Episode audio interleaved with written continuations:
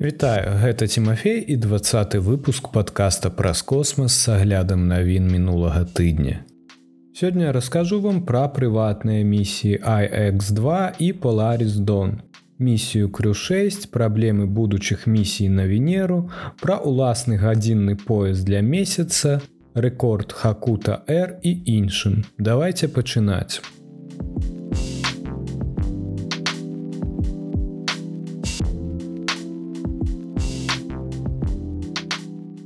SpaceX запусціў місію астранаўтаў Крю6 на касмічную станцыю для NASA.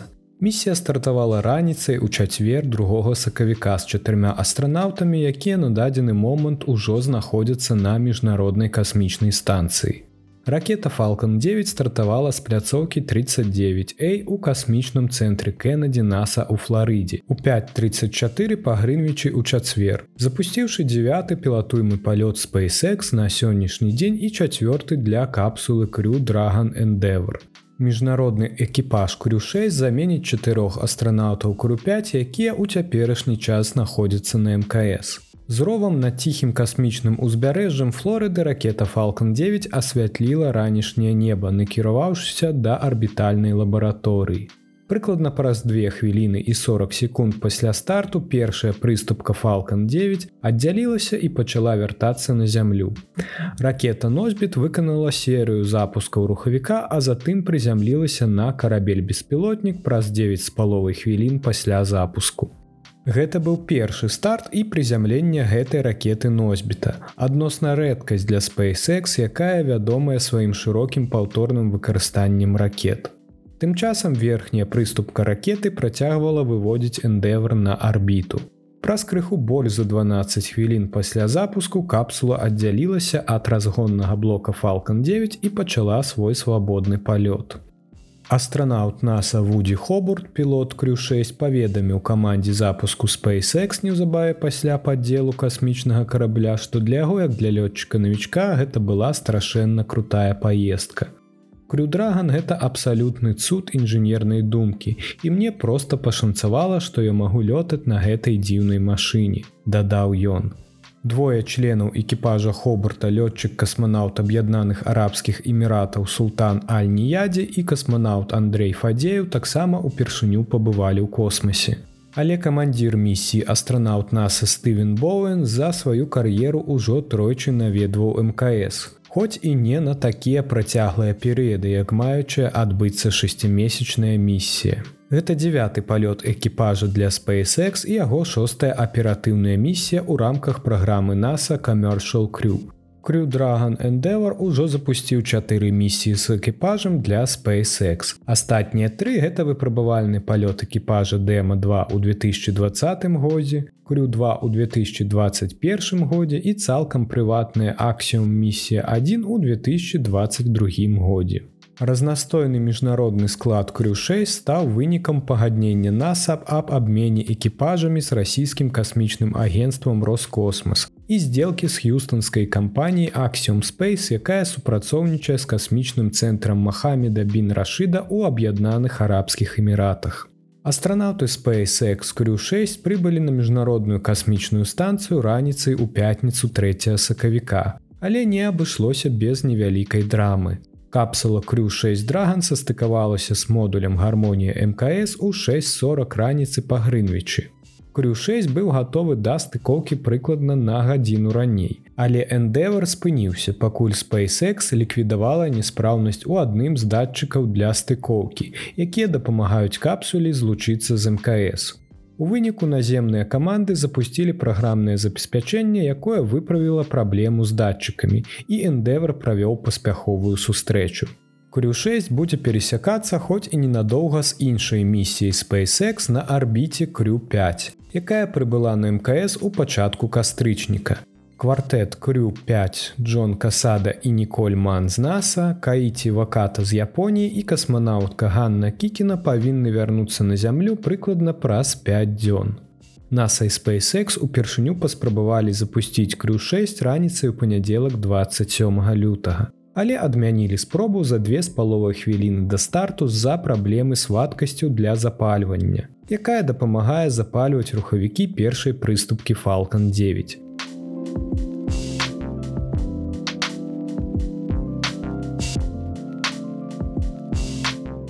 SpaceX не спыняецца на дасягнутам і рыхтуецца да запуску двух прыватных касманаўтаў. Прыватныя місіі AX2 і Polaris Don ідуць наступнымі ў спісе пілатуемых палётаў SpaceX. Спачатку ідзе місія AX2, якая ў цяперашні час накіравана на запуск у траўні з касмічнага цэнтра Кеннеді NASA ў Флорыдзе. Місію будзе эксплуатаваць х'юстанская кампанія Axiom Space чыя місія AX1 сумесна са SpaceX у красавіку 2022 года стала першым у гісторыі прыватным палётам з экіпажам у арбітальную лабараторыю. AX2 адправіць на мкс на борце капсулы драган чатырох чалавек. Інвестара і платнага кліента Джона Шофнера, Раяна Барнау і Алі Аль-Карні, якія з'яўляюцца членамі першага класа астранаўтаў Саудаўскай Аравіі і Пегі Уитсон былога астранаўта NASA. Уитсон кансультант Axiom Space і ён будзе кіраваць 12дзённай місіі. Другая з гэтых паслядоўных прыватных місій з экіпажам з'яўляецца Polaris Дон, запуск якой намечаны на ліпень. Polaris Дон фінансуецца і ўзначальваецца тэхнічным прадпрымальнікам мільярдэрам Джаредам і Сакманам, які ў верасні 2021 года таксама кіраваў першы ў гісторыі прыватнай пілатуймай місіі на калязямную арбіту под назвай Inspiration 4. Polaris Дон будзе выкарыстоўваць тую ж капсулу драган, што і Inspiration 4. Маючая адбыцца місія не сустрэнецца з мкС. Але Polaris Дон будзе паднімацца на калязямную арбіту вышэй, чым Inspiration 4 імкнучыся падняцца максімум на 1400 кіламетраў над нашай планетай. Гэта паб'е рэкорд самай высокай арбітальнай місіі з экіпажам. Бягучая адзнака складае 1368 кіламетраў. Усталяваная наса геміні 11 у 1966 годзе. Паларис Дон першы палёт у амбіцыйнай прыватнай праграме Паларис будзе пашыраць межы і іншымі спосабамі. Напрыклад, мэта місіі здзейсніць хаця б адзін выхад у адкрыты космас.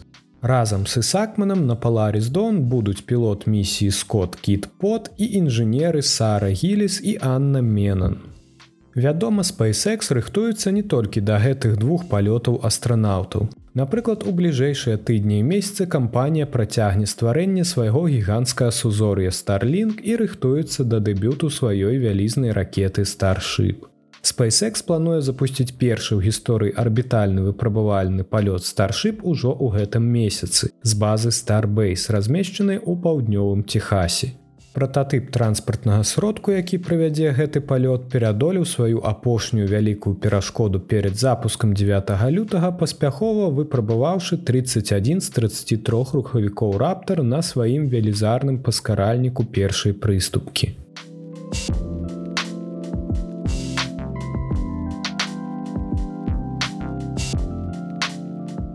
NASA шукае лепшую канцэпцыю для батарэй пасадачнага модуля дастаткова трывалую, каб выжыць на венеры. Паверхня венеры пякельнае месца, але гэта не перашкодзіць будучым пасадачным модулям NASA паспрабаваць даследаваць яе. Навукоўцы і інжынеры з NASA і еўрапейскага касмічнага агенства рыхтуюцца да адпраўкі трох новых місій да другой планеты ад сонца. Яны хочуць даведацца нашмат больш пра суседнюю планету, якая ў чымсьці падобная да зямлі, але ў той жа момант так адрозніваецца ад яе. У вянеры нястрымны парніковы эфект. Атмасферная заслонка таўшчынёй 24 кіламетры складаецца з вуглякіслага газу і ўтрымлівае аблокі сернай кіслаты. На планеце дастаткова высокая тэмпература, каб расплавіць свінец.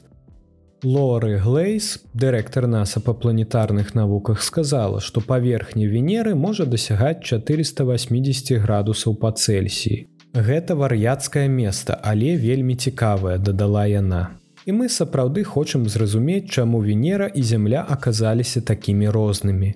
Каб вырашыць праблему з батарэямі, NASA заключила партнёрскую дамову з Advanced Thermal Batteries або ATB для распрацоўкі новай высокатэмпературнай крыніцы сілкавання. І даследавальнікі ATB ўжо распрацавалі шмат абяцальны дзіўна трывалы прататып батарэі. Ключом да новай батарэі з'яўляецца выкарыстанне экстрэмальнай тэмпературы венеры ў інтарэсах пасадачнага модуля ў выглядзе расплаўленай солі з нізкім узроўнем разраду. Гэты матэрыял мае дастаткова высокую удзельную магутнасць, лёгка захоўваецца і абслугоўваецца на зямлі, Бо высокая тэмпература плаўлення солі азначае, што яна будзе заставацца цвёрдай і энертнай на нашай планеце, захоўваючы пры гэтым свой энергетычны патэнцыял на працягу многіх гадоў. Асноўная праблема з батарэямі з расплаўленай солі, якія ўжо існуюць сёння, гэта іх высокая хуткасць самаразраду выкліканая унутранымі электрахімічнымі рэакцыямі, што абмяжоўвае нармальную цеплавую батарэю з электралітам з расплаўленай солі ўсяго некалькімі гадзінамі выкарыстання на венеры. Па дадзеных NASAа ATB нядаўна распрацавала прататып 17 ячэечнай батарэі, які змог абмежаваць унутраныя рэакцыі разрадкі батарэі, каб значна падоўжыць тэрмін службы батарэі. Пройдзе яшчэ некаторы час, перш чым NASAа зможа быць упэўненая, што новая батарэя дакажа сваю прыдатнасць для суровых умоў венеры. У тым ліку распрацоўку кантэйнера і упакоўкі, здольных вытрымліваць экстрэмальны ціск і прыроду атмасферы венеры. Але падобна, што самая вялікая перашкода, з якой навукоўцы сутыкнуліся, ужо паспяхова пераадолена.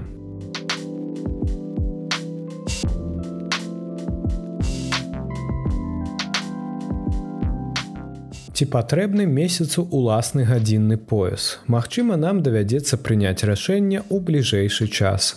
З набліжэннем новай эры даследавання месяца навукоўцы пачалі задумвацца аб тым, як трэба лічыць час на месяцы, як месяцовыя місіі будуць вызначаць свае ўласныя пазіцыі незалежна ад зямлі. Гэтае перасэнсаванне прывяло да пагаднення на сустрэчы касмічных агенстваў у лістападзе 2022 года аб тым, што міжнародна прызнаны агульны час адліку для месяца жыццёва важны. Цяпер робяцца сумесныя міжнародныя намаганні, накіраваныя на дасягненне гэтай мэты. На сённяшні дзень кожная місія на месяц працуе ў сваёй уласнай часавой шкале, якая звязаная з часам на зямлі. Гэтая стратэгія патрабуе, каб антэны далёкага космасу, якія выкарыстоўваюцца для двухбаковай сувязі з цэнтрам кіравання палётам, таксама синхронізавалі бартавыя хранометры з зямным часам. Аднак гэты спосаб вымярэння часу на месяцы будзе немагчымы на некаторых будучых касмічных караблях. Такіх як арбітальная касмічная станцыя NASAа Гейтвей, якая павінна будзе каардынавацца з мноствам іншых месяцовых і касмічных місій. Пасля таго, як астранаўты застануцца на гейтвей, касмічная станцыя будзе папаўняцца за кошт рэгулярных запускаў NASAа Атэміс. Гэтая дзейнасць прывядзе да стварэння базы з экіпажам паблізу паўднёвага полюсу месяца, калі ўсё пойдзе па плане. Але нават да гэтых місій з экіпажам вакол месяца будуць выконвацца шматлікія беспілотныя місіі. У тым ліку мноства купсатаў, якія запускаюцца кожнай місіі Атэміс і еўрапейскі вялікі лагістычны пасадачны модуль эрганаут еўрапейскага касмічнага агенства. Гэтыя місіі павінны будуць узаемадзейнічаць і мець зносіны адзін з адным для правядзення сумесных назіранняў і, магчыма, нават для сустрэчы.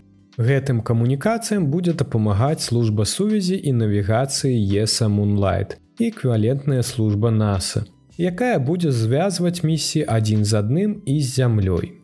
Па словах экспертаў, каб максімізаваць сумяшчальнасць, гэтыя сістэмы павінны будуць выкарыстоўваць тыя ж часовыя рамкі, што місіі з экіпажам і без экіпажа, якія яны падтрымліваюць. Гэта дазволіць місіям падтрымліваць сувязь з зямлёй, а таксама накіроўваць іх на шляху вакол месяца і на паверхні, што дазволіць ім засяродзіцца на сваіх асноўных задачах, сказаў сістэмны інжынер Moonlight Ваэль Эль Дэйлі. Але таксама Moonlight спатрэбіцца агульная часовая шкала, каб звязаць місіі і аблегчыць вызначэнне месцазнаходжання.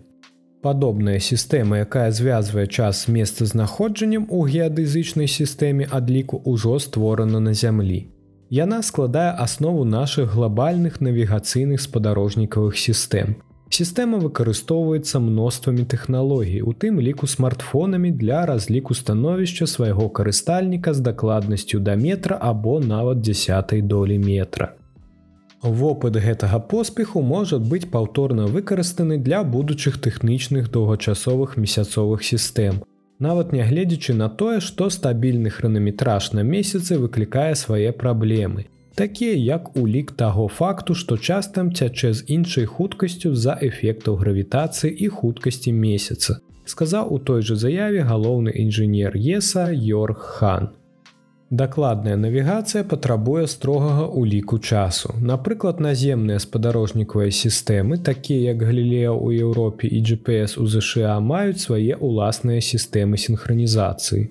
Але гэтыя сістэмы маюць фіксаваныя зрушэнні адносна адна адной да некалькіх мільярдных долей секунды, а таксама прывязаныя да глобальнага стандартнага універсальнага скаардынаванага часу UTC. UTC таксама выкарыстоўваецца ў інтэрнэце і авіяцыі, а таксама ў навуковых эксперыментах, якія патрабуюць вельмі дакладных вымярэнняў часу. У цяперашні час не вырашана, ці будзе адно агенцтва адказваць выключна за падтрыманне прапанаванай новай сістэмы месячнай храналогіі, як гэта робіць агенцтва BIPM для UTC. І яшчэ адзін нявырашаны элемент заключаецца ў тым, ці будзе месяцовы час синхронізаваны з часам на зямлі. Рашэнне такіх пытанняў патрабуе перадолення шэрагу тэхнічных перашкод, такіх як той факт, што гадзіннік на месяцы ідзе павольней, чым на зямлі. Хоць месяцовы гадзіннік адстае ўсяго на 56 мільённых секунды кожны зямны дзень, гэтая розніца ў канчатковым выніку правядзе да праблем з дакладнымі вымярэннямі. Акрамя таго гадзіннік на месяцовай паверхні таксама будзе цікаць з рознай хуткасцю ў параўнанні з хуткасцю на арбіце. Вядома, сістэма часу таксама павінна быць практычнай для астранаўтаў, сказаў у сваёй заяве член групы кіравання Мунлайт Бернхард Хуфенбах. Гэта будзе даволі складанай задачай на паверхні планеты, дзе ў экватарыальнай вобласці кожны дзень доўжыцца 29 з паловай дзён. У тым ліку марозныя двухтыднёвыя месяцовыя ночы. А ўся зямля усяго толькі маленькі сіні гурток на цёмным небе. Распрацаваўшы сістэму часу для месяца, мы можам зрабіць тое ж самае для іншых планетарных пунктаў прызначэння, дадаў ён.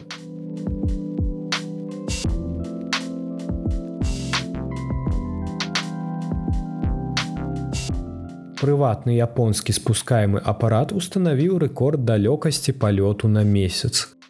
Касмічны карабель Хакута Р падняўся на 1,3 мільёна кіламетраў ад зямлі 20 студзеня.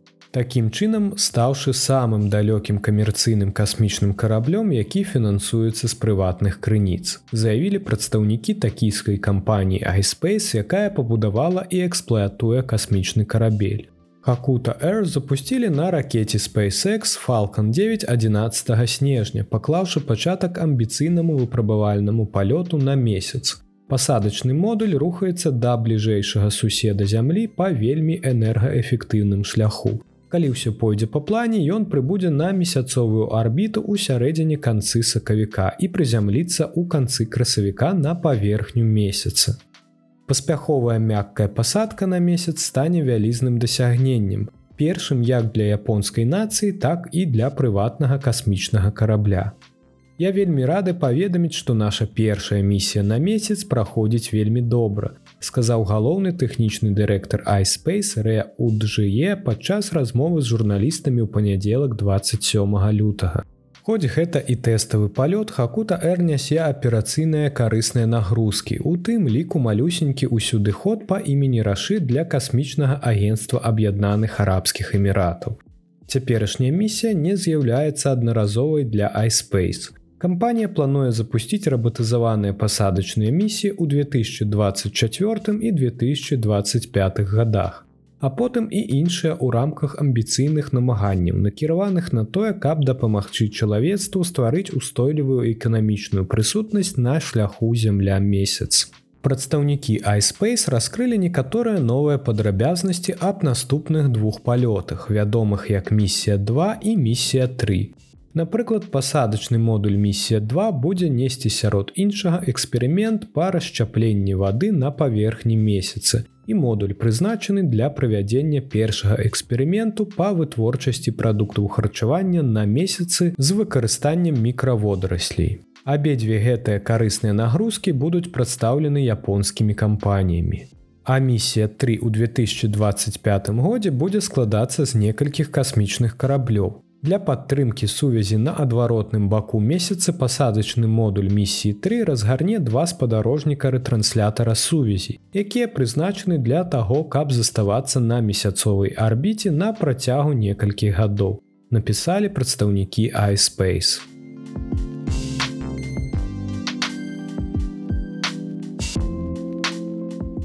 І гэта ўсе навіны, пра якія я хацеў расказаць вам у выпуску. Цяпер пагаворым аб падзеях наступнага тыдня. 8 сакавіка Тэран 1 паспрабуе запусціць місію пад назвай fun. Goodluck have fun першая місія Relativity Space, якая стартуе са стартава комплексу 16 на станцыі касмічных сіл на мысе Канаверал ЗША. Гэты запуск стане першай ракетай надрукаванай на 3D прынтары, якая калі-небудзь паднімецца ў неба. Паколькі гэта тэставы палёт для кампаній, каб даказаць магчымасці тэран 1 ёсць толькі невялікая металічная заглушка, надрукаваная таксама на 3D прынтары пад насавым абцякальнікам і няма рэальнай карыснай нагрузкі. Пасля няўдалага першага палёту кітайская жук 2 Relativity Space робіць спробу вывесці на арбіту першую ракету, якая працуе на метане. Паглядзім, што з гэтага атрымаецца. Калі запуск адбудзецца, то я абавязкова раскажу падрабязней аб гэтай місіі ў наступным выпуску падкаста. Акно запуску з 18 гадзін па 21 гадзіну па Грынвічы. 9 сакавіка ракета SpaceX Falcon 9 выведзена арбіту 40 спадарожнікаў для OneWeb. Гэты запуск быў перанесены з першага сакавіка. OneWeb распрацоўвае і разгортвае групоўку сотняў спадарожнікаў на нізкай калязямной арбіце для шырокапалоснай сувязі з малай затрымкай. 12 сакавіка ракета SpaceX Falcon 9 запусціць касмічны карабель Dragon 2 з місіяй па дастаўцы грузаў на міжнародную касмічную станцыю. Гэты палёт з'яўляецца 27 місіі SpaceX, выкананай у рамках кантракта на камерцыйныя паслугі па забеспячэнню з NASA. 7 сакавіка надыходзіць поўня ў 12 гадзін 40 хвілін па грынвічы. Дзякуй, што даслухалі да канца. Паколькі гэты выпуск 20, то я хацеў бы падзяліцца з вамі невялікай статыстыкай. Статыстыка сабрана з усіх лічбавых пляцовак, акрамя Ютуба, дзе падкаст выходзіць як аўдыоверсія. Падкаст быў прайграны 1561 раз, у сярэднім 92 разы за адзін эпізод. Топ самых папулярных пляцоўкі, дзе вы слухали падкаст, гэта Apple, Spotify, Castbox. 38соткаў слухачоў з Беларусі, 18соткаў з Польшы, 11соткаў з Грузіі. На чацвёртым месцы літва і на пятым ЗША. Дзякуй вялікі, што працягваеце слухаць. Гэта натхняе мяне рабіць новыя выпускі. Таксама кожны тыдзень я раблю падборку з самымі цікавымі здымкамі космосу. Вы можете убачыць іх у сацыяльных сетках подкаста. Калі вы яшчэ не падпісаліся, то запрашаю. Асобная падзяка маім патронам. Вы таксама можете подпісацца на мой патрыён, шукайце спасылку ў апісанні. Да пабачэння пачуемся на наступным тыдні.